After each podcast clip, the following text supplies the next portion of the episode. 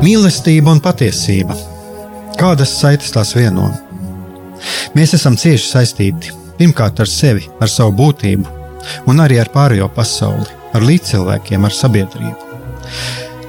Kur ir mūsu vieta šajā pasaulē? Kā mums katram atrast savu patieso aicinājumu un vietu? Kā sasniegt savas dzīves piepildījumu, mīlestību? Kādi šķēršļi gan mūsu sirdī un prātā sastopamie, gan ārējie aizķēso mūsu ceļu pie Dieva? Šie jautājumi ir mūsu dzīves sastāvdaļa, svarīgi mūsu ceļā uz svētumu. Meklēsim šajā raidījumā kopā atbildes uz šiem jautājumiem. Ieklausīsimies, ko Dievs mums vēlas pateikt ar visu, ko sastopam savā dzīvēm lai mūsu sirds un prāti atveras mīlestībai un patiesībai. Raidījums mīliet citu citu.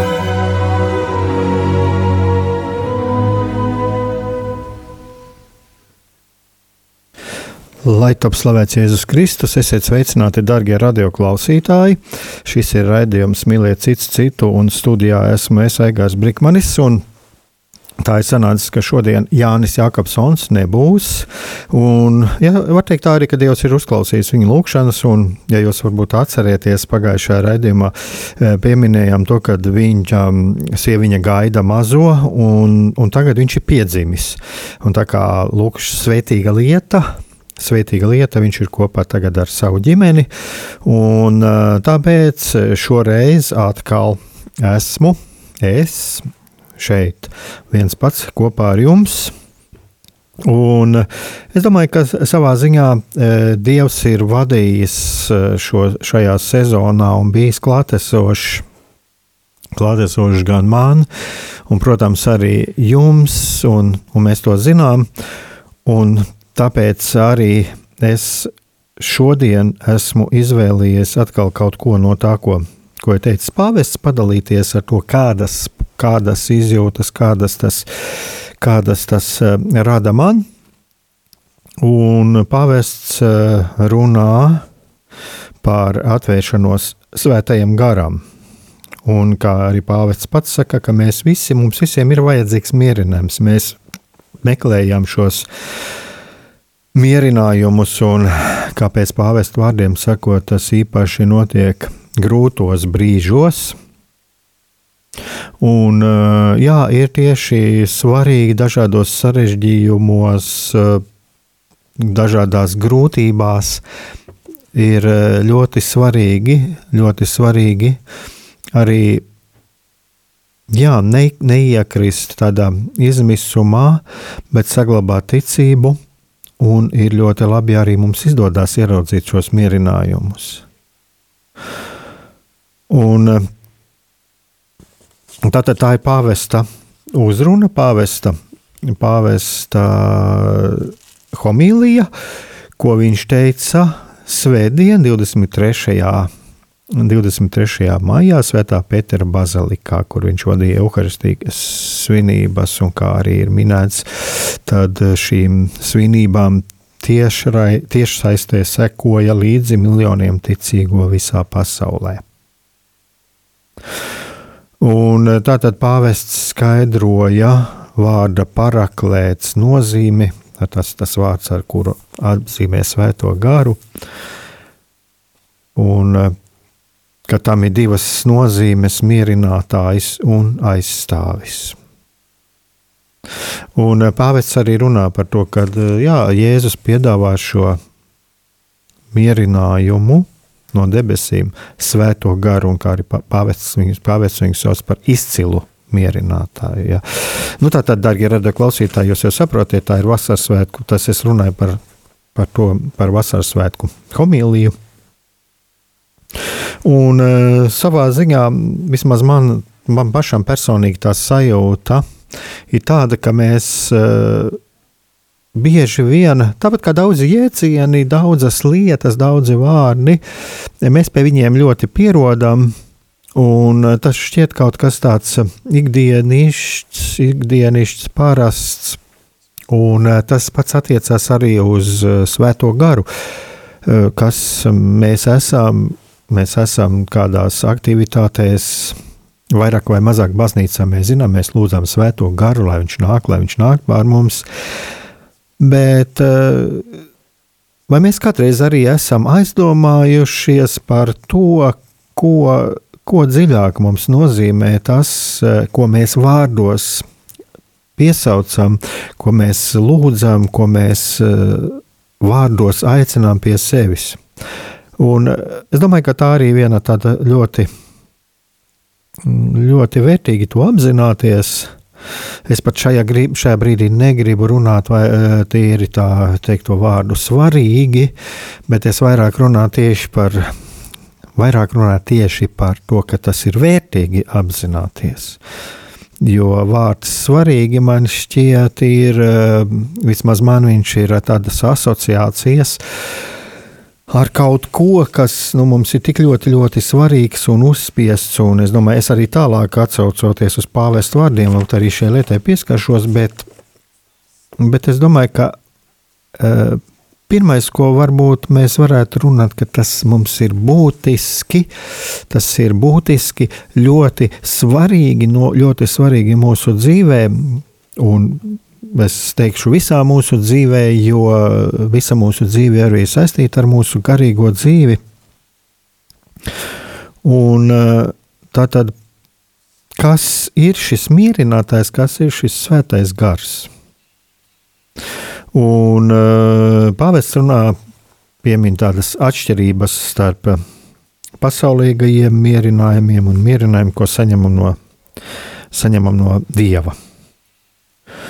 Un, eh, jā, ir tie pasaules mierinājumi, un kā pāvests saka, tālāk, šeit ir pāvesta vārdi, pasaules mierinājumi ir kā anestētiskie līdzekļi, tie uz mirkli sniedz atvieglojumu, taču neizārstē to dziļo ļaunumu, ko mēs nesam sevī.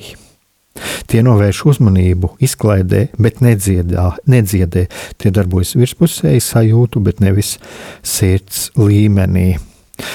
Un uh, uzreiz, kad es uh, šos uh, pāvesta vārdus lasīju un arī klausījos, tad, kad Vatikāna radio stāstīja izklāstīju šo pāvesta homīliju, man uzreiz nāca prātā, nu, lūk, kas tad ir šie pasaules mierinājumi. Tās, nu, Es domāju, daudziem uzreiz varētu ienākt, varbūt arī līdzīgi kā man prātā, tā tad e, nauda, vara, bauda, tā varbūt arī kāda slava. Un eh, kaut kādā ziņā man iznāca vakar arī runāt par šo tēmu, un es arī pieminēju to, ka pēc būtības jau šie, jēd, šīs lietas, ko es nosaucu, viņas ir mor morāli neitrālas un eh, Nu, jā, izņemot varbūt kaut kādas narkotikas baudas, dažādas baudas, kas tiešām mūs pakļauj, kas mūs kas pats par sevi mūs eh, padara, eh, kaitē mūsu veselībai. Bet eh, es vairāk pat domātu par tādām lietām, kur ārēji mēs varbūt nesaskatām arī grēku. Tātad, jo kaut kādā veidā kādreiz cilvēks nonāk kaut kādās svaras slavas virsotnēs. Es domāju, ja mēs arī pieminētu pašu pāvestu, katrā ziņā mēs varētu teikt, ka viņš ir slavens, viņš ir visiem atpazīstams.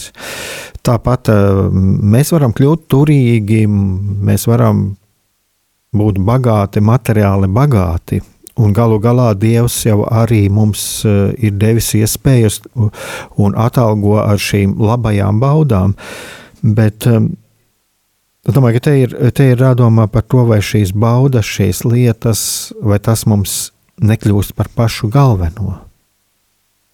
Un cik daudz cilvēku ir pasaulē, kuri ir turīgi, kuriem šķiet nekas netrūkst, viņi ir slaveni, Viņiem ir arī dažādas baudu iespējas, netrūks naudas, atpazīstamība, viņus eh, slavē, viņiem ir milzīgs, miljoniem liels piekritēju pulks.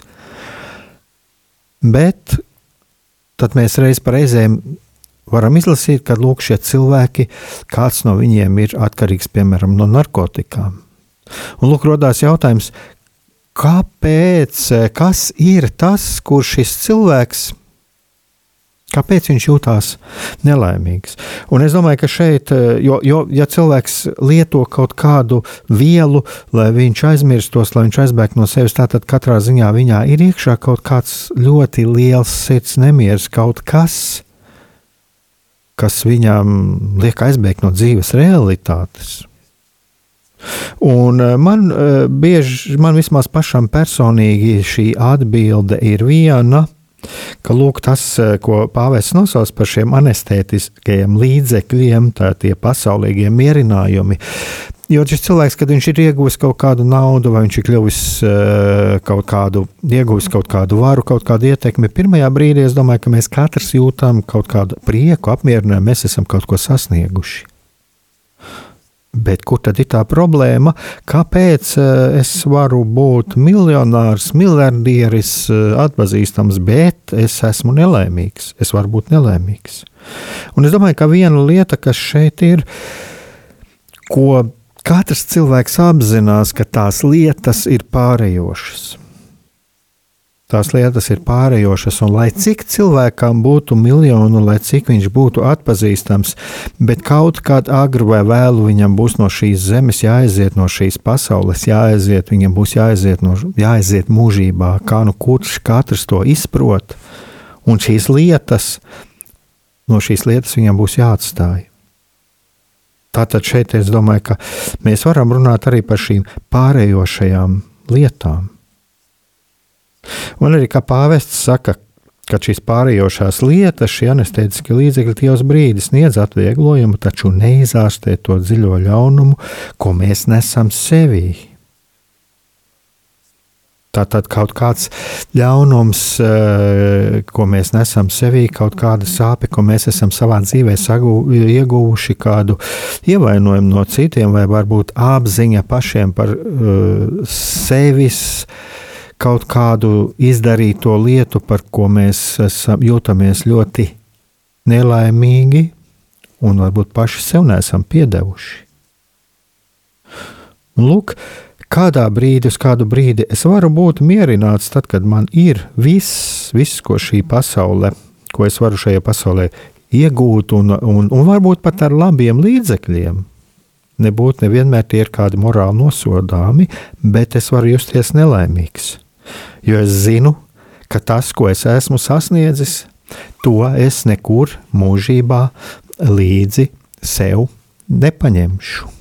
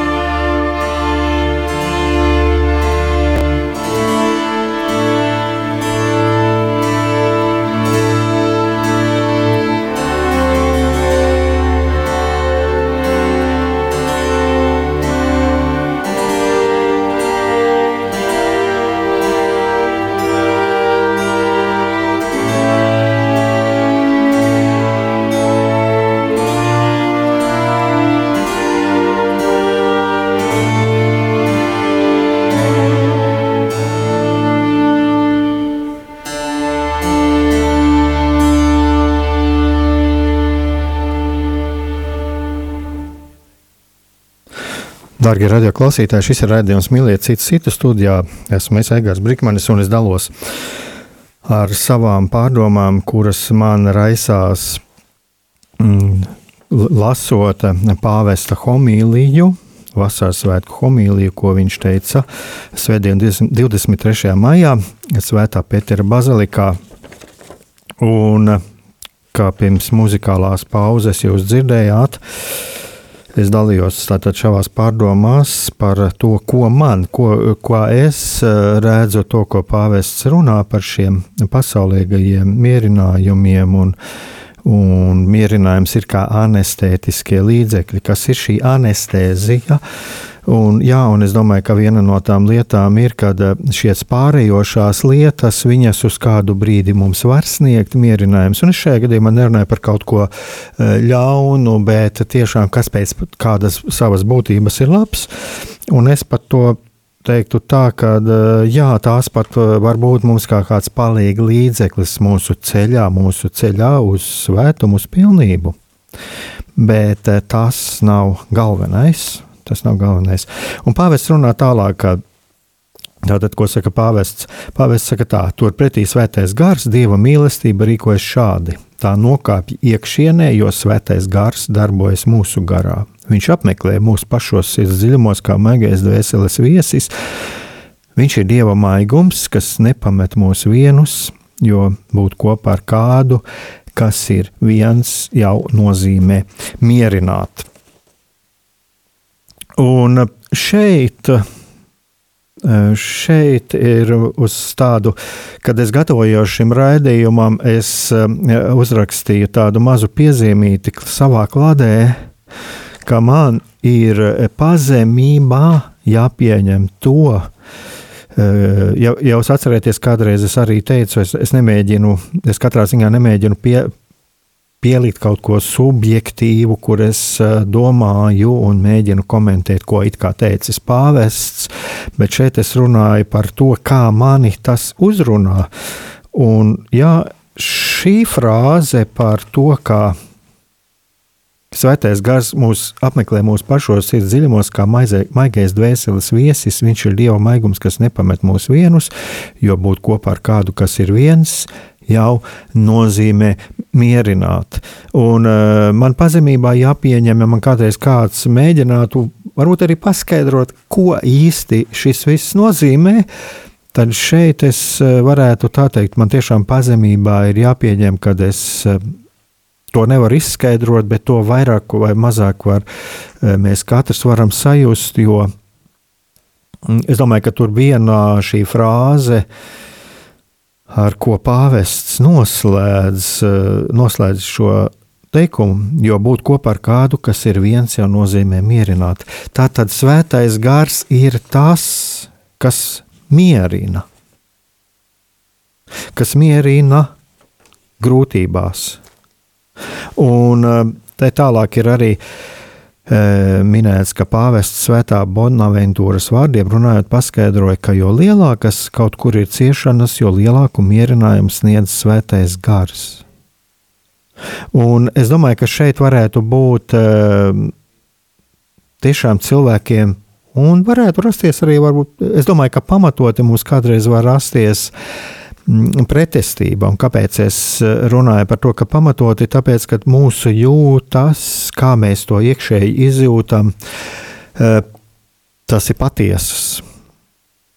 Un ir pat ļoti svarīgi, ļoti svarīgi ir ieklausīties savā jūtās arī tajā brīdī, kad mēs sadusmojamies, un ka mēs arī sadusmojamies par kādu frāzi, vienalga vai mēs to lasām arī svētajos rakstos, vai, vai to runā pāvests vai vēl kāds cits. Un, uh, Varbūt dažiem no mums var rasties uh, arī kaut kāda pretestība no šiem vārdiem, ka jo lielākas kaut kur ir ciešanas, jo lielāku mierinājumu sniedz svētais gars. Un uh, mums varētu šķist, ka kādos atsevišķās dzīves situācijās, kur tad ir tas mans mierinājums? Un mēs varam, varam at, arī atrast uh, svētajos rakstos arī šo raudāšanu. Un galu galā arī Jēzus pie krusta lūdzās, mans Dievs, mans Dievs, kāpēc tu man esi atstājis?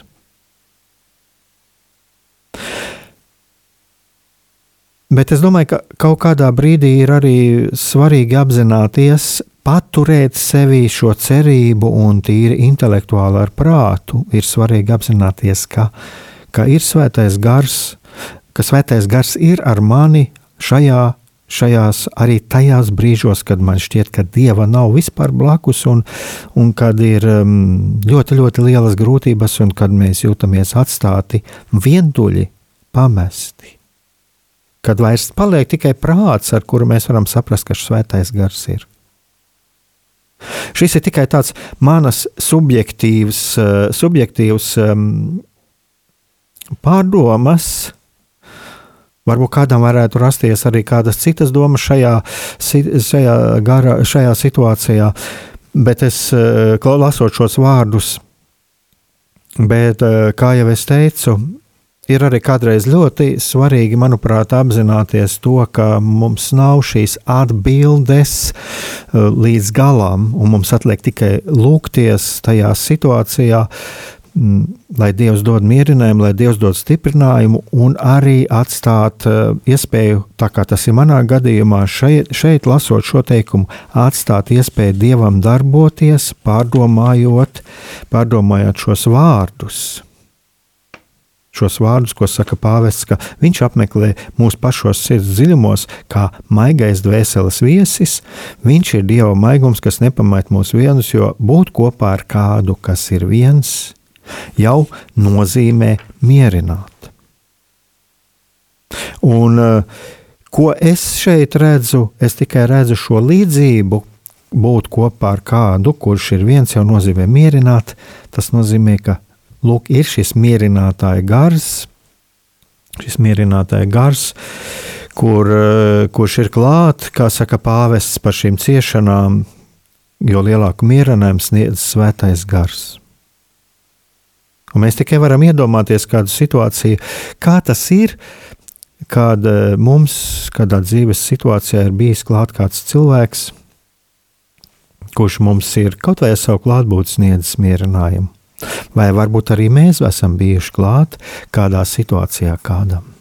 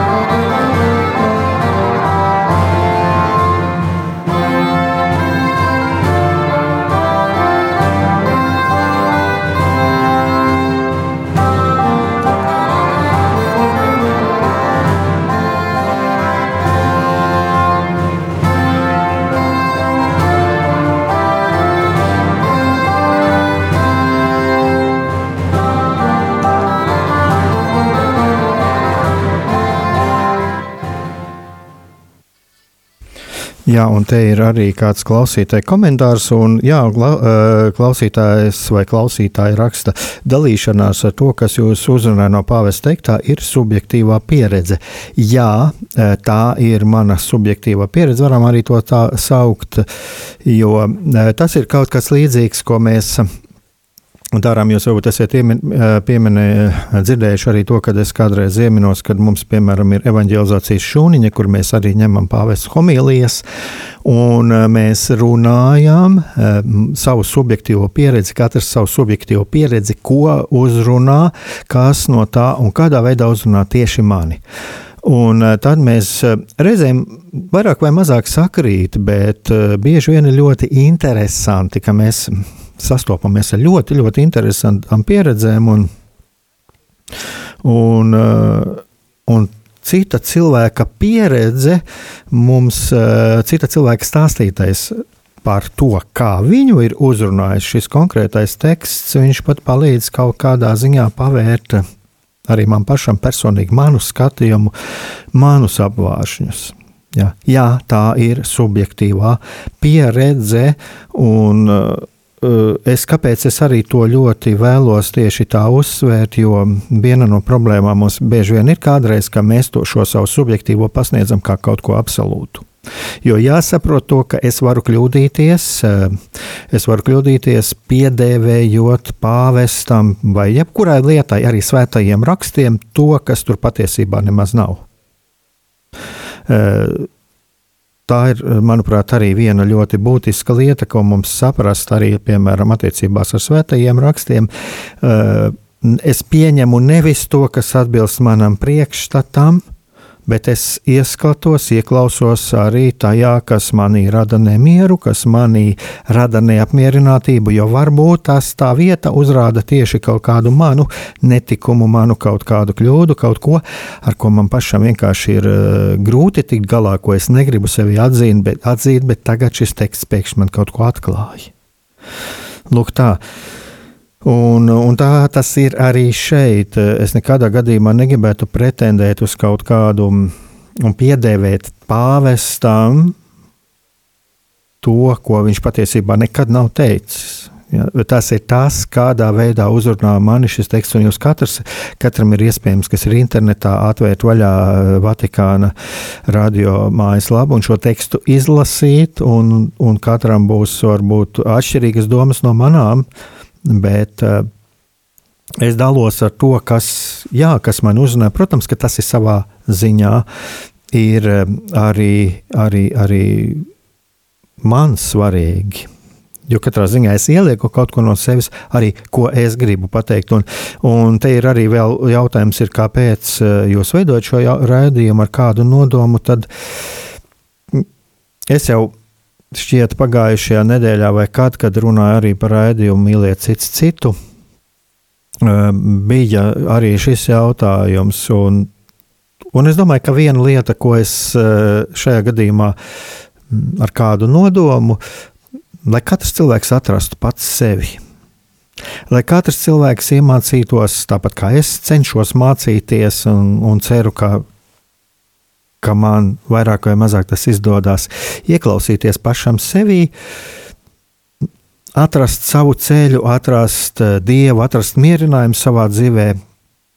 Jā, un arī atrast vietu. Tā ir viens, viens no tād, viena no tādām atbildēm, kas varētu būt eh, runājot arī par šo. Un, protams, jā, Eh, nenoliedzami es eh, vēlos arī cilvēkus, eh, jā, es varu pateikt, ka es vēlos arī pamudināt, varbūt arī ieklausīties, ko saka pāvests, un, un palasīt arī, ko pāvests pameklēt, uz ko aicina pāvests, uz ko aicina baznīca, uz ko aicina mūsu pašu baznīca. Bet, kā jau es teicu, jā, kā arī lasītājs vai lasītāja kas rakstīja dalīšanās ar to, kas mani uzrunāja no pāvesta teiktā, tā ir subjektīva pieredze. Uh, Tas ir ļoti svarīgi uh, apzināties. Jā, teiksim, kas tur var komentēt, tur tad lai nāk un teologi savā starpā strīdās un, un, un, un komentē un, un tā tālāk. Jā. Protams, mums katram ir tiesības to darīt. Jā. Es negribētu teikt, ka tagad cilvēki to nedrīkst darīt, bet ir ļoti svarīgi apzināties, jā, ka mums ir ļoti daudz subjektīvā Mums ir ļoti daudz subjektīvā iekšā, ja? jo tikai tad, kad mēs apzināmies to, ka mūsu zināšanas un mūsu izpratne ir subjektīva, ja mēs to apzināmies, tad mēs varam arī iet tālāk, izglītoties un pilnveidoties. Jo tad mēs uh, tikai tādā veidā izjām no savas subjektīvās pieredzes cietokšņiem. Ja. Un tā un tagad es arī vēlos atkal pievērsties šim tekstam. Tātad atgriezties pie tā par, par svēto garu. Un, kā jau teicu, ja tas ir ļoti liels noslēpums arī no tā, ko pāvests saka, un es tikai varu dalīties ar kaut kādām izjūtām, ko man, ko man pašam personīgi nozīmē nozīmē tas dieva maigums, kas nepamet mūs vienus, jo būt kopā ar kādu, kas ir viens, jau nozīmē mierināt. Un tad, kad pāvests runā par to, ka uh, svētais gars apmeklē mūsu, mūsu pašos sirds dziļumos. Darbie radioklausītāji, ja būtu ilgāk, varbūt laiks, uh, tad varētu arī padalīties. Man arī varētu būt savas domas no savas pieredzes, kā es esmu sajūtis mierinājumu. Un es ceru, ka varbūt arī par to mēs kādreiz varētu varētu sagatavot kādu raidījumu, varbūt arī man kāds viesis tieši par to, kur mēs sajūtam mierinājumu. Un, jā, dažādās dzīves situācijās, kad mēs pat bieži vien vārdos to nevaram izteikt, bet pēkšņi mums ir lasot vai kādu garīgu tekstu, klausoties kādu garīgu tekstu, vai vienalga lasot kādu grāmatu vai, vai, vai pēkšņi negaidot, ka mēs esam pēkšņi kādā dzīves situācijā sajūtuši mierinājumu un stiprinājumu. Es domāju, ka katrs mēs savā dzīvē kaut ko tādu esam piedzīvojuši. Un tad atkal jāatgriežas mazliet arī tāds lielais mierinājums, ir tas, ko sniedz svētais gars. Ne tā kā pasaule, kas valdot labklājībai, mierina un glaimo, bet pienākot grūtībām, izsmēja un nosoda. Tā rīkojas pasaule un īpaši ļaunais gars. Tā tāds svētais gars, jebkurā jebkurā dzīves situācijā viņš ir gatavs mierināt. Bet kā jau pa pasauli, pāvests saka, ka pasaule, kurā valdot labklājībai, mierina un glaimo, bet pienākot grūtībām, izsmēja un nosoda. Es domāju, ka tas ir, jā, šeit arī mēs varam atgriezties pie tā, ka šī pasaule tas ir kaut kas pārējošs. Un tālāk, ko pāvests uz ko pāvests tā tad aicina? Pāvests aicina palūkoties uz apstuļiem un, kā saka pāvests, e, apstuļi arī bija apjukuši un bailīgi, taču tiklīdz viņi saņēma svēto garu, tā viss izmainījās. Problēmas un dzīves grūtības, protams, nekur nepazuda, taču viņi vairs no kā nebaidījās. Viņi jutās iekšēji mierināti un vēlējās nest dieva mierinājumu citiem. Tātad, atkal, darbie radioklausītāji, man ir arī viens e, jautājums. Tātad jautājums, vai jums ir gandarījums par darbu Radio Marija Latvija? Nu, es domāju, ka tas, ka es jau atrodos šeit, e, nu, nav tā, ka es gluži bez gandarījuma šeit brauktu. Bet e, jā, jā man ir, ir gandarījums, un, un, un vēl viena tāda dāvana, ko es man, man šķiet arī varētu varbūt mazliet pieminēt, arī runājot par šiem e, pāvesta tekstiem, vai par jeb, jebkuru tekstu, ko es lasu, un varbūt arī par ko nākās runāt, ka tas liek arī ieklausīties arī šeit pat, pat kādreiz sēdot radio studijā, liek ieklausīties vairāk sevī liek ieklausīties vairāk sevi un arī sevi. Jā, ko šis teksts man saka tieši vēl. Es varu mājās viņu izlasīt, bet šeit man atklājas reizēm vēl kaut kas pavisam citā gaismā. Un tā tad, jā, atgriežoties pie tā, ka jā, kā tā tad apstuļi saņēma svēto garu, un ja mēs redzam, arī apstuļi arī bija ar dažādām vājībām, Apostoli bija arī nobijušies, bieži vien apjukuši, nezinoši, taču viņi jutās iekšēji mīlināti un vēlējās nest dievu mierinājumu citiem. Tas jau ir pāvesta vārdi. Bet kas man arī ļoti uzrunāja šeit, no pāvesta teiktā, viņš runā par šo laiku, par mūsu laiku. Un ko saka pāvests? Pāvests saka, šis ir laiks, lai drīzāk sludinātu evaņģēlīju priecīgo vēstu, nekā cīnītos ar pagānismu. Lai drīzāk izplatītu augšām cēlušā prieku, nekā gaustos par sekularizācijas drāmu. Lai izlietu par pasauli mīlestību un nekļūstot pasaulīgiem, lai drīzāk būtu žēlsirdības liecinieki, nekā censtos ieborēt citos regulas un normas. Un šķiet, jā, šeit Šeit, es, ja jūs atceraties, es raidījumā sākumā teicu, ka man pat šis e, vārds svarīgi šķiet pārāk tāds nocietināts. Es vairāk runāju par to, kas mums ir noderīgi, jo kādreiz cilvēki bieži vien ir tik daudz ar regulām un normām ierobežoti, kas pats par sevi ir ļoti labi. Regula, norma, tas ir vajadzīgs, tas ir tas, kas mūs satur kopā. Bet bieži vien ir tā, ka cilvēks vairāk šo regulu un normu aiz tā visa viņam ir grūti ieraudzīt eh, pašam sevi eh, un grūti ieraudzīt, ieraudzīt Dievu. Un eh, Kāpēc es tieši pievērsos, un kā es teicu, arī man ļoti uzrunāja tieši šis eh, pāvesta teiktais, ka drīzāk sludināt, šis ir laiks, lai drīzāk sludinātu evaņģēlīju priecīgo vēstu, nekā cīnītos ar pagānismu. Tātad izplatīt vēstu, nekā cīnīties ar pagānismu. Izplatīt augšām celšā prieku, nekā gaustos par sekularizācijas drāmu. Un Es tomēr aicinātu ieklausīties, un arī man pašam sevī jāieklausās ļoti bieži. Ļoti bieži sevī jāieklausās.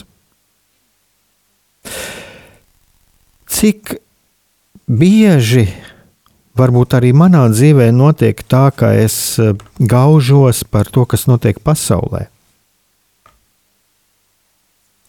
Es redzu negācijas, un aiz šī negāciju mūra kuras es esmu jau beigās pats sevī uzbūvējis, pieķerdamies pie dažādām negatīvām lietām, pie, pie pasaules skatījuma, ka man ir grūti ieraudzīt prieku un grūti ieraudzīt Dievu savā dzīvē.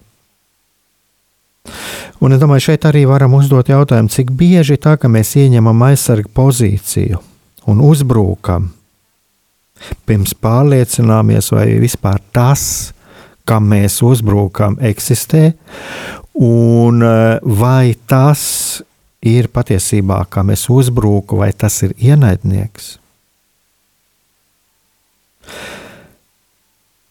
Cik bieži tā, ka mēs arī tuvojamies tādos savos priekšstatu cietokšņos, aizsargu pozīcijās, un pat nemēģinām pārliecināties, vai mūsu priekšstati ir patiesi. Cik bieži tā, ka mēs pat uh, pieņemam to, kas, ko mums piedāvā, nepārliecinoties, kas aiz šī piedāvājuma stāv, kas ir tas, kas mums mēģina pamudināt uz kādu rīcību, kas aiz tā visa stāv. Cik bieži tā ir? Ka mēs uztveram, redzam apkārt ienaidniekus, mēs redzam draudus, mēs redzam uzbrukumus. Bet vai tas tā ir? Varbūt tas daudzas lietas eh, dzīvo mūsu, tas ir mūsu priekšstatu, mūsu aizspriedumu radītas. Mums ir tik daudz informācijas, eh, Mēs dzīvojam tagad tādā laikmetā, kur mums pienāk tik daudz informācijas, bet vai mēs arī izšķirojam, kas no tā, ko mums piedāvā, un reizēm arī nodēvēts par kristīgu, cik tas ir patiesībā kristīgs un cik tas atbilst patiesībai. Lūk, es domāju, ka šeit mēs varam daudz par ko pārdomāt, un man šīs pārdomas tieši radīja šis pāvesta teiktais - cīnīties ar pagānismu. Tātad necīnīties tik daudz ar pagānismu. Varbūt laiks ir sludināt evaņģēliju, nevis tik daudz cīnīties ar pagānismu, ne tik daudz cīnīties ar sekulārisma tendencēm. Jo kā mēs varam, kā mēs varam cīnīties? Jā, mēs varam cīnīties, bet mūsu cīņai vai mūsu cīņai būs augļi. Varbūt pirms cīnīties, mēģināt saprast to, ko mēs vienkārši nesaprotam, un ieklausīties otras puses viedoklī. Un vēl viena tāda lieta, kas man arī ir ienākusi prātā, mums arī kādreiz darētu padomāt, kas būtu ar mūsu ticību, ja pazustu mūsu bailes, ja pazustu mūsu tas, ko mēs redzam apkārt kā ienaidniekus Ja pazustu mūsu cietokšņa sienas, ja galu galā pazustu arī reizē mūsu naids? Kas tad paliktu ar mūsu ticību? Vai tad nebūtu tā, ka mēs paliktu tukšā vietā, kā saka, pie sasistas silas? Un tāpēc es domāju, ka mums arī bieži ir jāpadomā, vai tiešām mēs savās uh, reliģiskajās un sabiedriskajās aktivitātēs arī atstājam vietu dievam? Vai mēs ieklausāmies, ko Dievs mums vēlas pateikt? Un, kā saka pāvests, lai izlietu par pasauli mīlestību, nekļūstot pasaulīgiem, lai drīzāk būtu žēlsirdības liecinieki, nekā censtos ieborēt citos regulas un normas. Un šo lasot, man ienāca prātā uh, māte Terēze. Ja mēs e, palasīsim mātes Terēzes biogrāfiju, vai ko viņa pati ir lasī, rakstījusi, runājusi, mēs neatradīsim nekur, ka viņa būtu borējusi regulas un normas. Mātes Terēzes pirmā evaņģēlijas vēsts bija palīdzēt tiem, būt blakus tiem, kas tajā brīdī ir viņas ceļā un kam ir visgrūtāk. Un es domāju, ka tā ir vislabākā evaņģēlijas vēsts, evaņģēlija priecīgās vēsts sludināšana caur attieksmi, caur attieksmi cieņpilnu, mīlestības pilnu attieksmi pret otru. Tas nebūtu nenozīmē, ka vajadzīgā brīdī mums, jā, mums ir pat pienākums aizstāvēt savu ticību. Mums ir pienākums vērsties pret ļaunumu, pret meliem, Jā, mums ir jābūt arī attiecīgajā brīdī šai baznīcai, kura cīnās, kura cīnās pret, pret pasaulīgo ļaunumu. Bet nekādā gadījumā tas nedrīkst, nedrīkst pārmākt evaņģēlīja vēsts sludināšanu. Tas ir vajadzīgs tajā brīdī, kad tas ir vajadzīgs, tad, kad tas ir tiešām nepieciešams. Mums nebūtu jābūt tādiem, kuri novēršas tajā gadījumā un izliekās neredzam ļaunumu. Nē, mums viņš ir jāredz. Bet ir ļoti svarīgi apzināties, vai tas, kas mums šķiet ienaidnieks, vai viņš tiešām ir šis ienaidnieks, varbūt mums ir jāieklausās un jāmēģina saprast to, kas notiek. Kas stāv aiz tā, kuri mūs mēģina pamudināt kādreiz uz kādu cīņu, uz kādām aktivitātēm meklēt patiesību, meklēt patiesību gan savā sirdīs, gan arī pasaulē.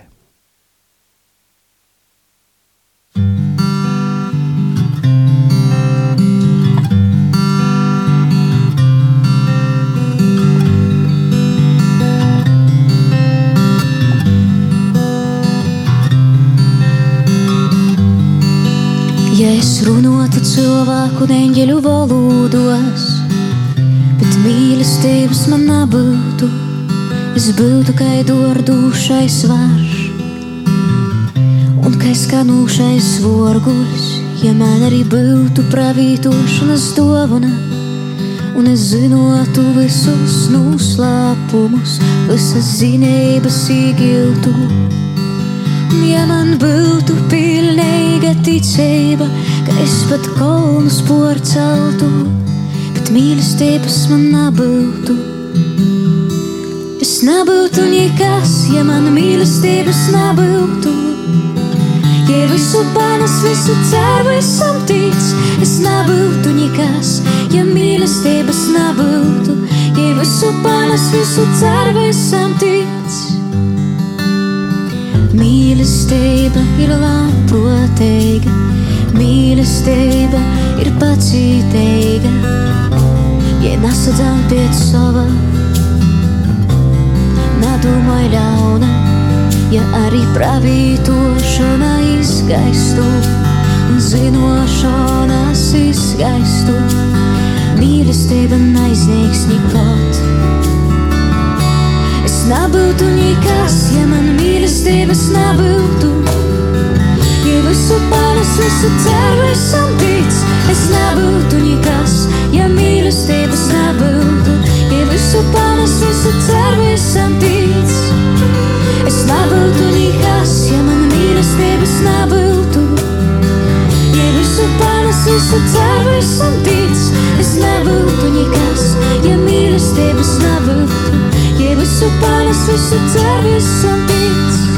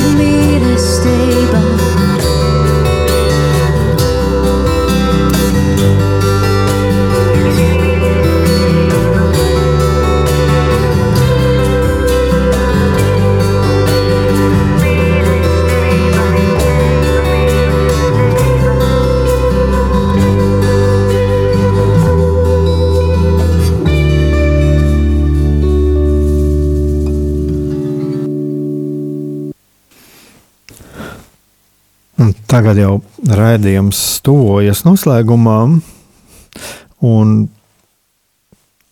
noslēgumā tātad es arī vēlos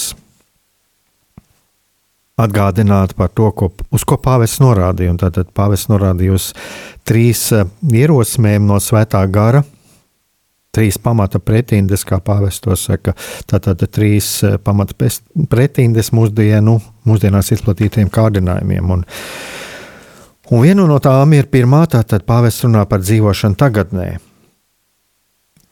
Un eh, man eh, uzrunā tieši šie vārdi, ka šis ir vienīgais un neatkārtojamais brīdis, ka varam, kad varam darīt labu un pārvērst savu dzīvi par dāvanu. Un eh, pāvests runā par to, ka mēs, mūs, mums ir kārdinājums ļaut sev paralizēt sarūktinājumam un pagātnes nostal- nostalģijai, vai arī koncentrēties uz nedrošību par rītdienu. Baidāmies par nākotni. Un, eh, jā, mēs bieži varam sev pieķert, es domāju, pie domām par to, ko mēs esam piedzīvojuši pagātnē. Un ir sarilgtinājumi, ir arī nostalģija. Man reiz reizēm ienāk prātā, ir arī tādas mums tautā, ir tur skaistā jaunība, kuras ir žēl un kura nenāks vairs. Un tad man šajā brīdī gribas do, uzdot jautājumu, bet kur tad ir šodiena? Jaunība, vai kuram ir, kurš varbūt ir jauns, ir kādas citas pieredzes, tās ir pieredzes, kuras ar svētā gara žēlastībā mums var pat kļūt par dāvanām, kā mācība. Bet pāvests atgādina par to, ka nav labāka brīdi par šo brīdi, kur esam. Jo tā ir tā dāvana. Un jā, ir ļoti svarīgi, ļoti svarīgi šeit, gan es saku, ir ļoti svarīgi un svētīgi, lai bail, bailes par nākotni mūs neparalizētu. Cik bieži mūsu dzīvē nav tā, ka mēs baidāmies par kaut ko un izrādās, ka patiesībā tas, par ko mēs baidījāmies, nemaz nenotiek. Vai arī, ja kāds notikums nāk, viņš patiesībā nemaz nav tā, kā mēs esam iztēlojušies. Tātad dzīvojam šodien un iegūstam šo stiprinājumu šodien, jo šis brīdis ir vienīgais neatkārtojamais. Tā ir dāvana, kurā savā ziņā, jā, šajā brīdī arī mēs veidojam nākotni. Un mēs neesam kaut kas, kas iemesti kaut kādā likteņa varā, bet mēs esam tie, kur mēs šajā brīdī varam veidot savu nākotni. Un kā pāvests saka, vienīgais un neatkārtojamais brīdis, kad varam darīt labu un pārvērst savu dzīvi par dāvanu. Meklēt veselumu, tas ir otrais, par ko pāvests runā. Viņš runā par to, cik ļoti atšķirīgi bija papustuļi ar dažādiem uzskatiem, taču, kad saņem svēto garu, tie vairs necentās izcelties ar saviem cilvēciskiem viedokļiem, bet deva priekšroku Dieva veselumam.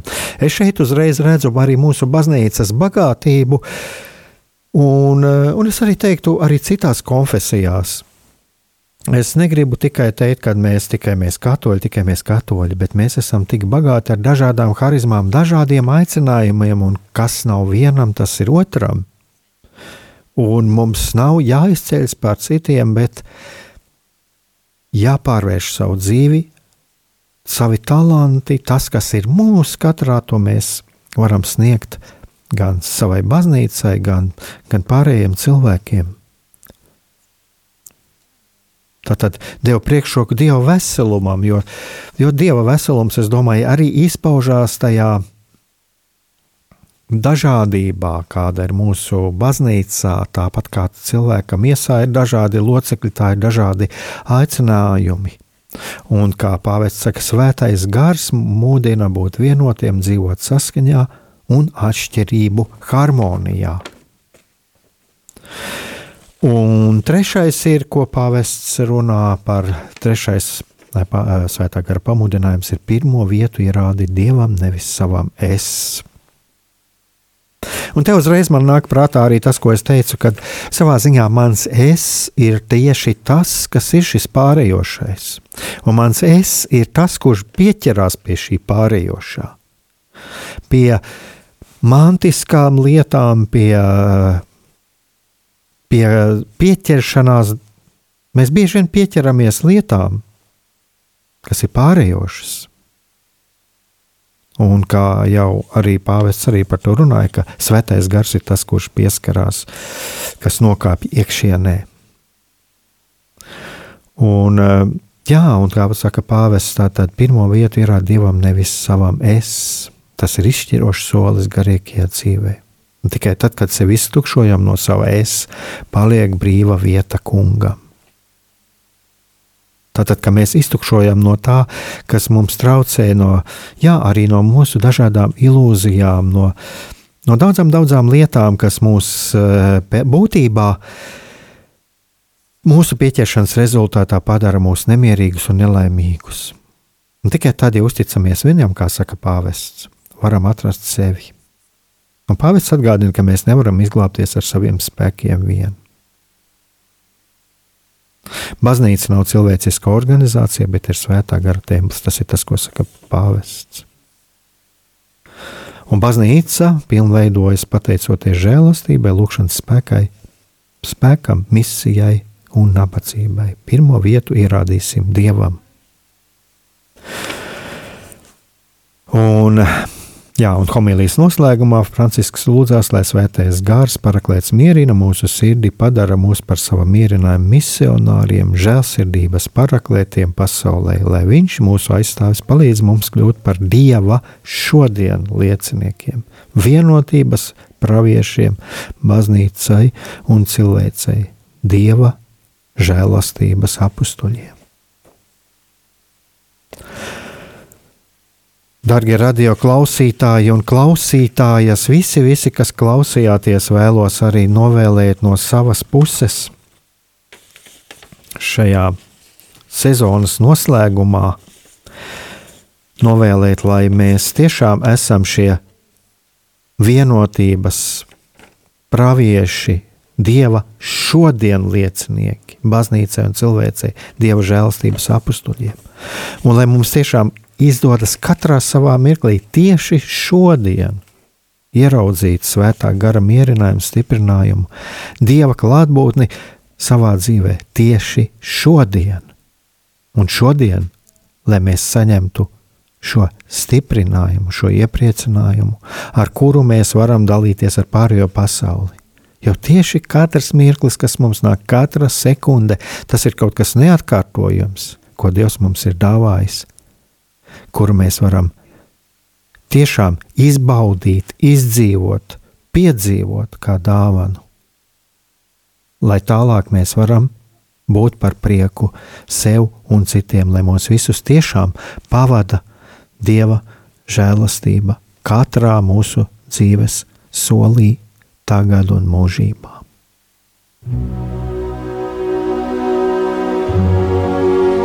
Mīlestība un patiesība Kādas saites tās vieno?